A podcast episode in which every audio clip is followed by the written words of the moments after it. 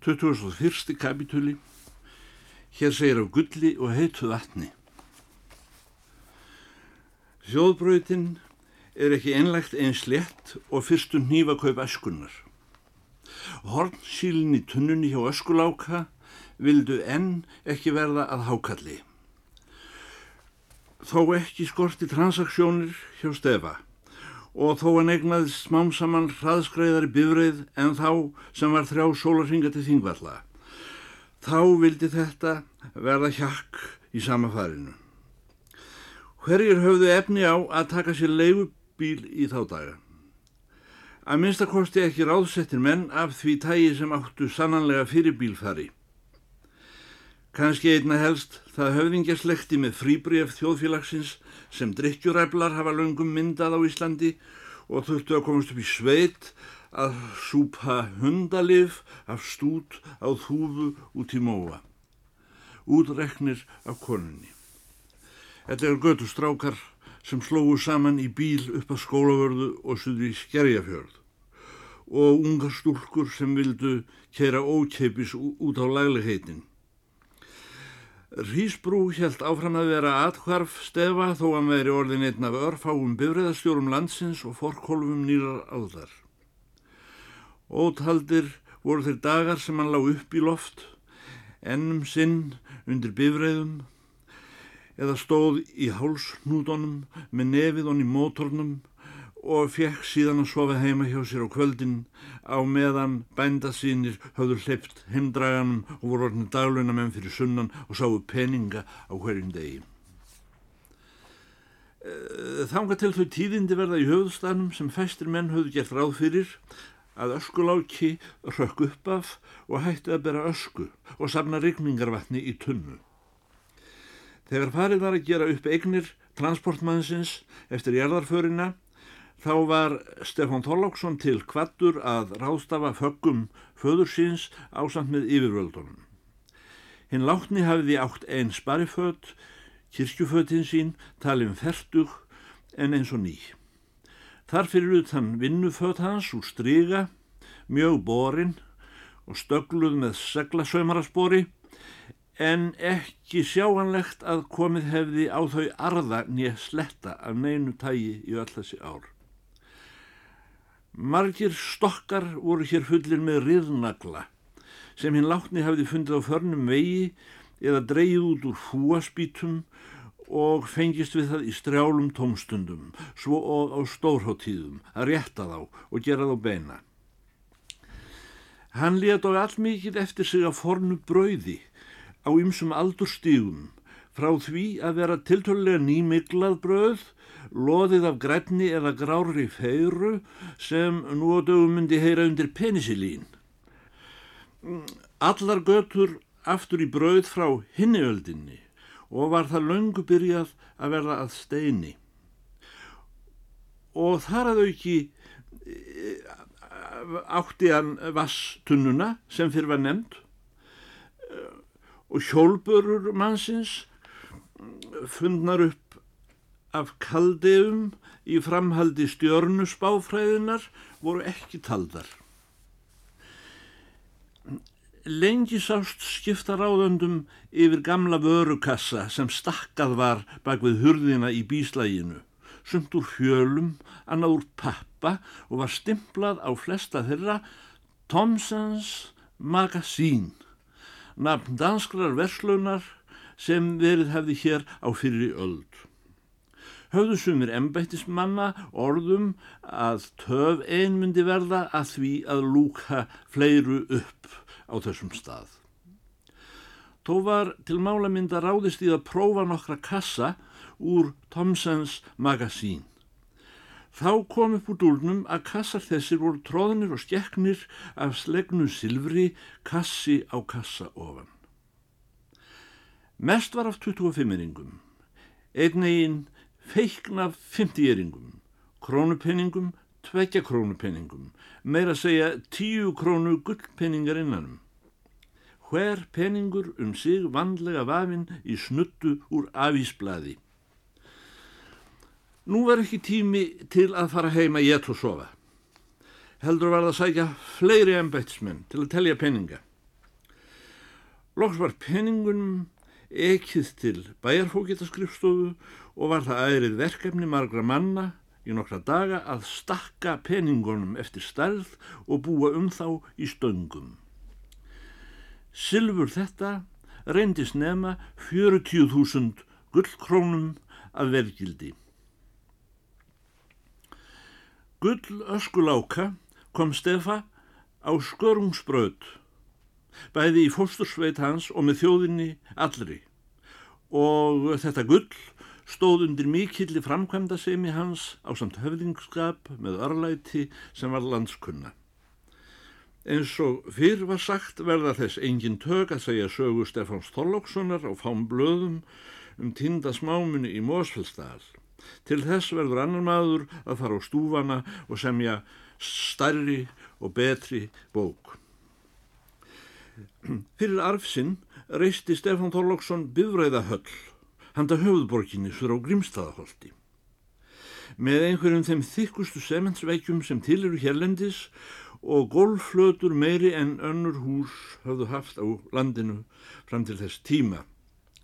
Þar gáttu bifriða eigendur gemt bifriða sínar í skjóli fyrir veðri og vindum áriðum kring en átti jafnan aðgang að þeim þurum og hreinum í höll þessari ef þeir vildu aka út að skemta sér til að mynda á sömardaginn fyrsta eða á frídag veslunarmanna. Líka gáttu þeir farið til og strókið bifræðarnar og fætt og farið í grópin með tannstöngli þegar þeim gafst tími til, eða er einfallega hort á þær.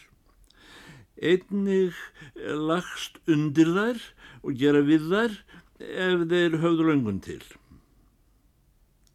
Um þessar myndir hafði Reykjavíkur borg reist fyrirmyndar bú til að rækta kartöblur upp í Mósfellsdal en það komu öngvar kartöblur upp.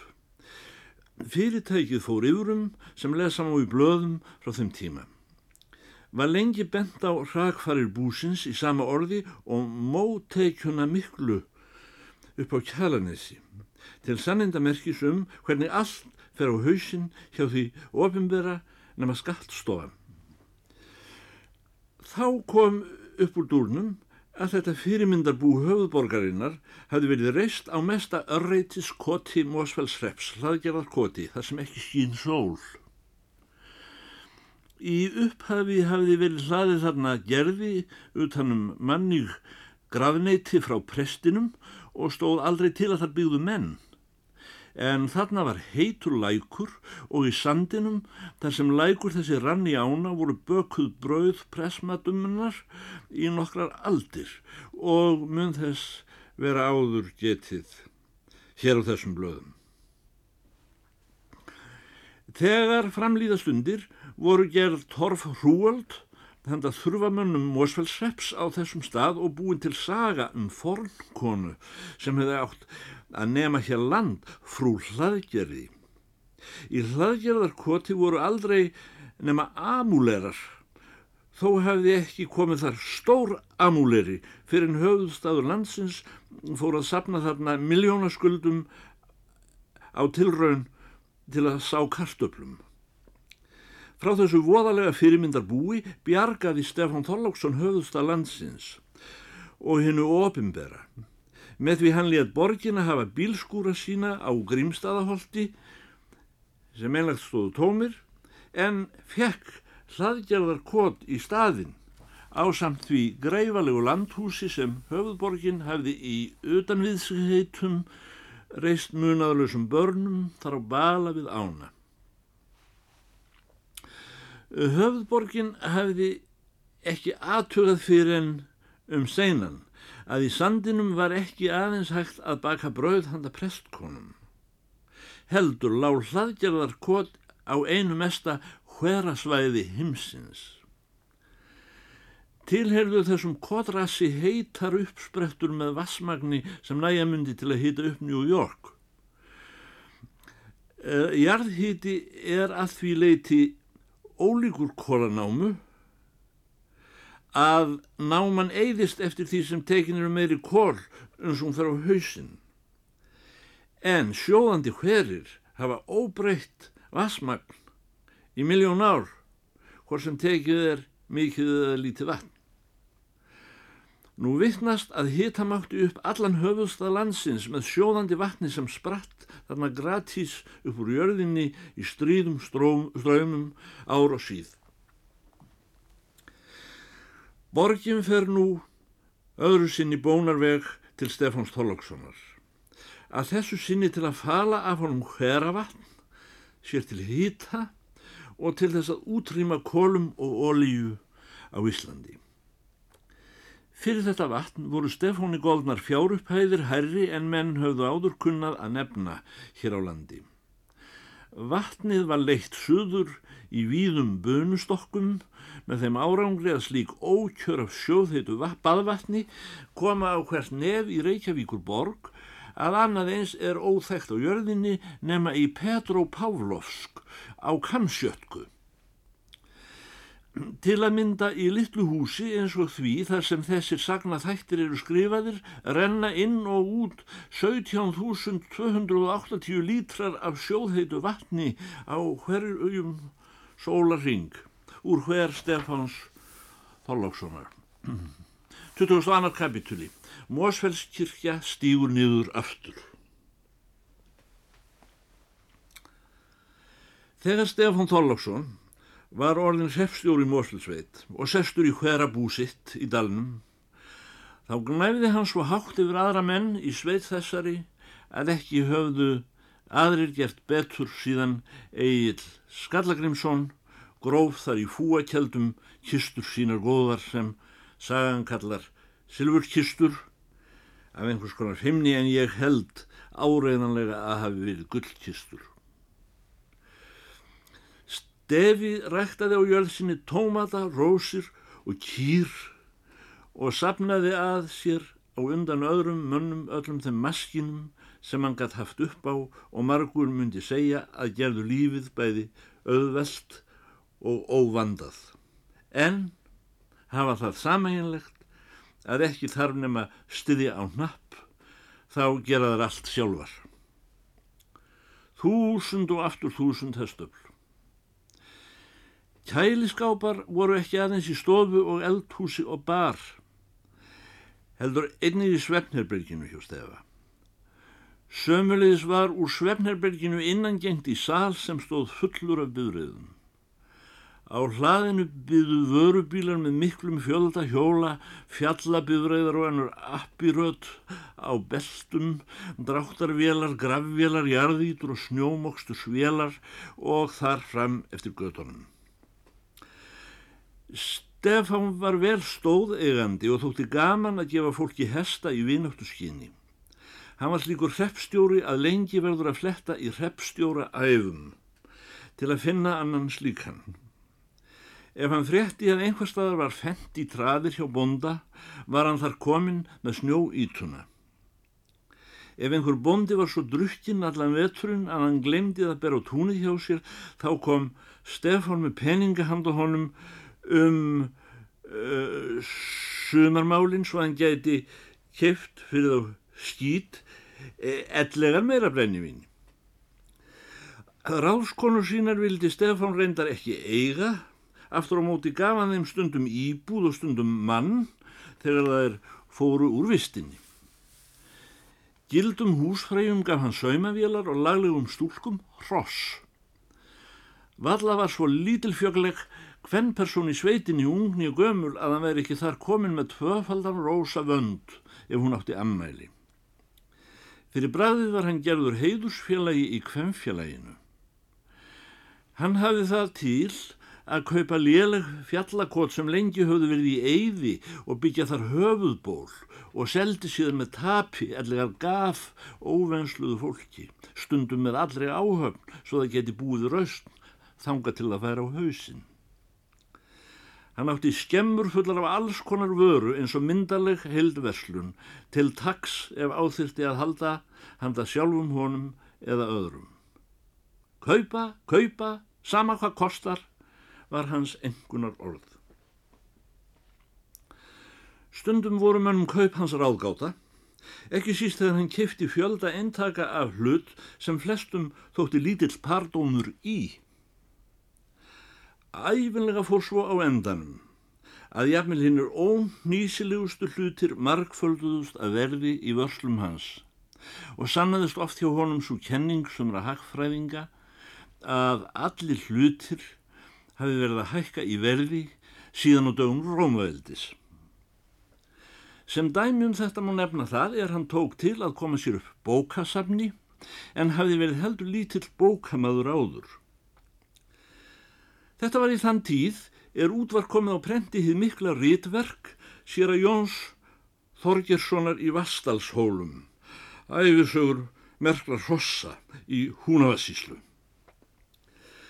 Af þessari bók seldist því miður ekki eintak í landinu þá er hún kom út og þar við satt um margra ára skeið. Stefán Þorláksson las bókin á líkaði vel því hann var hestamöður. Til að sína hugsin gagvart bókmentum kefti hann 300 eintök af þessari bók og let upp í hyllur í bókaherbergi sem hann innréttaði sér í þessu skýni. Þetta spurðist viða og stuðlaði að því að margir vildu eignast bókina en þá kom upp úr dúrnum að mestum hluta upplegsins hafi verið brent en Stefan keipt aðgangin. Var nú svo komið að alger skortur var orðin á bókinni í landinu. Segnast var bókinn komin í álíka verð og skraut hóla útgáfan af Nýja testamentinu og fóru svo leikar að þetta bókasafn Stefáns seldist fyrir ofvirði að honum látnum. Svipuð máli gendi um kaup hans á svartadauða.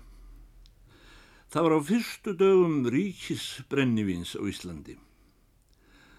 Þá var fyndni en ekki aldauða á Íslandi og ríkiseinokun svo sem þá var sett í landinu til að selja brennivín og stjórnað af gútemplarareglunni fann upp það snjallræði að gefa út af sér vökfa sem þeir kölluðu fyrst pláuna miklu en síðar gekk undir nafninu svarti döði.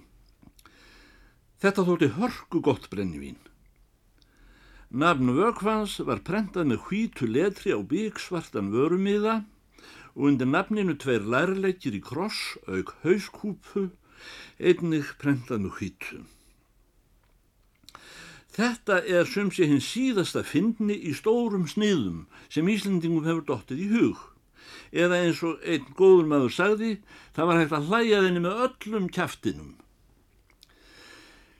En sá dofi í heila búið þjóðarinnar sem er böl nútímans var þá farin að grafa um sig og ekki leið á löngu áður en þessum vörum það var breytt af þeim feimnum, andlausum kontóristum utan af landi sem þá voru byrjaður að smjúa inn í valdakerfið. Þeir letu taka svartadauða miðan með hauskúpunni burt og settu náttúrulöysa blóma lítmynd úr júrtafræðinni utan á brennivínið að þeir heldu að, að þannig myndi það seljast betur. Stefán Þorlóksson var æfinlega fyrstur maður til að skilja fyndni. Einmitt á þeim stuttatíma sem svarti döði með hauskúp og lærleikjum var á brennivíninu, þá sætti hann lægi og kom sér upp ekki óálitlegum kjallara af þessum drikk að eiga sér til skemmtunar og jafnvel gefa vinum sínum í bollabrotinu og góður í stund, þó sjálfur drikki hann reyndar ekki brennivín. Innan skams var íslenskur svarti döði með þeim svarta míða orðin frægur um allan heim og er enn. Svo að víða í löndum er þessi íslenska vörutegund hið eina sem menn vita eða vilja vita um Ísland. Nú bjóða Ameríkumenn 100 dollara í einn svona míða utan af gamalli íslenskri brennivinslösku. Nefna einhvern veginn hefur það snemma lagst í Stefán að þarna væri góð fjárfesting. Ekki aðeins þessi miði, svo snildalega hugsaður, hefur orðið verðmættari en nokkur annar miði af sömstærð á Íslandi, heldur hefur nafnverð sjálfs brennivinsins hækkað úr krónum 6,75 en það kostiði flaskan þegar Stefán kefti byrðir sínar og upp í rúmlega 6.000 krónur núna. Um það er laug, reyndist svartidauði Stefáns, jæmmel enn drýra búsílag en æfisögur Rossa eftir síra Jóni Vastalshólum og jafnvel ástasögur Guðrúnar Trekvinsdóttur sem hér verður þó ekki getið. Það kom í ljós þann dag sem dánarbú Stefáns Tollakssonar var gert upp. Engunar orð Stefáns kaupa, kaupa, sama hvað kostar. Stóðst eins og fyrir daginn og svo svo kenning að allt hafi verið að hækka í verði síðan á dögum Kaligúlu. Þessi dæmi um framsýni í fjebröðum, speglasjónir eins og vantir að segja í Mosfellsveit, eru ekki rækin hér til að sanna ágæti Stefáns Þorlókssonar nýja afsanna. Látum slíkt líka millir hluta. En þegar erfðaskrá hans var lesin, að honum látnum, voru bæði svartidauði og rossabók sér að Jóns, talinn kyrfilega meðal posta þeirra er af þeim samanstóðu eignir hans. Þegar hér er komið sögu, get ég ekki stilt mig um að ítreka það sem fyrr var sagt. Að enginn vissi til þess hér í sveit að Stefán Þorlóksson hefði nokkru sinni farið með gott orð í lifanda lífi. Prestur nokkur hefur sagt við undirritaðan að Stefán þessi muni hafa verið álíka trúlaus og Konstantín Mikli sem þó sannanlega bjargaði kristendumnum. Að minnstakosti myndi enn sem komið er teljast ofílagt að reikna hann með trúarhetjum í Mósulsveit. Samt var hann styrkari stóð sönnum kristendómi í sveið þessari, mælti krónum og öðrum, en flestir helgir menn vorir urðu hvort heldur með þöglum, bænahöldum eða háverum sálmasöng eða löngum predikunum. Stefán Þorlóksson mælti sem sé svo fyrir í erfðaskrá sinni að fjármunir meir en litlir er hann lefði, skildu ganga til þess að reysa kirkju mikla og góða að Mósfelli í Mósfellsdal, þar á rústum, fornra kirkna sem geima höfuð Egil Skallagrimssonar. 2003. kapitúli Eftirmáli 4. apríl 1965 Þegar Mósfells kirkja hinn nýja var víð Gjöf Stefáns Þorlókssonar, einn fegurst kirkja og best búin sem nú stendur á Íslandi. Þá bárust henni ymsar veglegar gjafir. Flestar komu gjafir þessar frá ættmennahópum í sókninni. Niðjum þeirra manna er fyrir eina tíð höfðu séð kirkjusinni er þeir trúðu á, jafnaði jörð hér á hólunum. Ný kynnslóð fagnaði nú kirkju langfæðga sinna er hún var aftur risinn á þessum sama hól eða réttar að segja ofan stín úr því háu túni þar sem hún hafði mænt yfir Mósfellsdal um sinn og gemdu hennar þrjú jórdrandi lömp. Meðal þessara gjafa voru margir dýrgripir sömt af góðmálmi, sömt listaverk snillinga. Þar voru í meðal ljósahjálmar og kertastjakar, blómkjör og málverk, einnegin messuklæði og dúkar, forláta skýrnar sár af silfri ger á stöppli. Sjálf er kirkjan þyljuð í hólf og golf með dýrum viði, mjög unnum og sæti öll mjúklega stoppuð. Ósýnileg hitaleðsla í veggjum og gólfi. Klukkur ringja án klukkara ef þrýstur á hnapp. Annarkvort þegar í stað erlega stilla má fyrirfram á ákveðin dagra mund því kerfið er aukið úrverki. Nú er búið að stiðja á tippið. Sólinglampar á marglið þögbyrreiða sem standa í þéttri kös allt í kringum Guðshúsið út um hlöðutún. En hún skín einninn um gluggan í Mósfellskirkju eins og forðum tíð meðan ekki var til bíl og enginn vissi hvað orðið erfiði þýtti.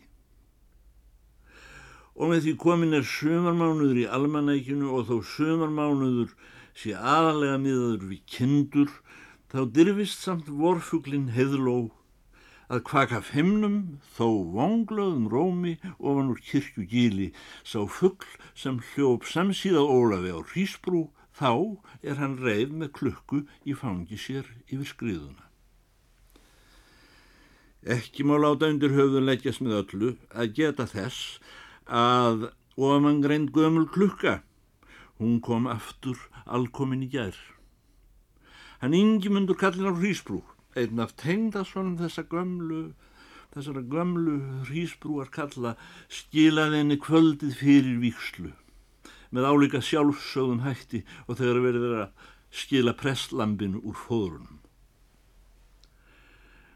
Þetta er kórónu eða krónuklukka sem semir kalla svo af því kengurinn sem tengir þessar klukkur við ramböldin er festur ofan í klukku höfuðið með dýrum koparlikkjum og mynda sex álma kórónu. Svo klukka sem hér um ræðir er falleg í læginu en hún er klúrt unnin og hrjúf áferðar. Hvorki kólfurni er króna steipt aðeins óvandlega hamrað. Skrautrendur tvær ganga kringum bumbuna uppi og niðri í meiralegi skakkar gerðar í mótífið fríhendis eftir auganu. Langt er síðan svo frumstæði vinnubröð í koparsteipu hafa viðgengist í löndum þannig sem Íslendingar hafa fengið kirkjuklukkur. Fróðlegt verið að vita hvar svona klukkur hafi verið steiftar eftir árið þúsund tilvillig klukkan það gömul að e, þetta var ekki fyrsta sinn sem hún hefði leið í fjóshaug í nokkrar kynnslóðir og þess vegna ekki heldur í fyrsta sinn sem komið var til skjálana önnur veröld og aðrir dillingar og önnur trú þegar hún var fest upp aftur. Klukkan var fest upp í kornum, vinstra megin við allarið í þessari nýju kirkju. Það er engin efi á því að þessi klukka geymir hljóm síðan úr fornöld. Presturinn saðist ætlað ringjanni sjálfur við barnaskýrnir að því hljómurinn í henni væri svo fallegur meðan að vera að deyja út. Þetta er lítil klukka, hæð utan mál 34 cm, þerrmál 24 cm. Tótt hennar er mikill í sér, langur og skjær og dvín titrandi. Silfur kaleikur sendur á alltarinu. Þetta er verklegur kaleikur. Hæð átján og hálfur centimetri. Þvermál byggars 11 og hálfur. Þvermál stjættar 13 centimetrar.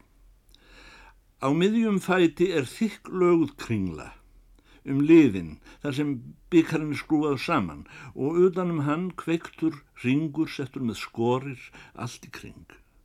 Svona skorir í skreitingarskíni eru stundum kallaðar enskar frísur eða gafldældir. Undirritaður spurði prestin hver hefði gefið þennan kaleik en hann myndi ekki glögt hver komið hefði meðan myndist þess þó að tiltekjum bóndir ostinn hérðan úr sveitin hefði fundið þennan grip í rusli eftir kettlingu sem var á hreppnum og dóhjónum komin á nýræðis aldur árið 1936. Enginn hefði vita til að þetta munadarlösa gamanmenni gemdi dýrmæta uh, gripi uh, fram í döðan. Þaðan af síður hvernig þessi kaleikur var komin í hennar vörslur. Sístaföllu hverjum hún var að geima hann. Enda var þetta svo kona sem eitt sinn hafiði spurt. Getur nokkur nokkun tíma verið nokkrum trúr nema sjálfum sér. Gamlir menn fyrir 35 árum sögðust þekkja gripin aftur og væri þetta forn kaleikur Mósfells kirkju og líkur þessari hjarteina bók.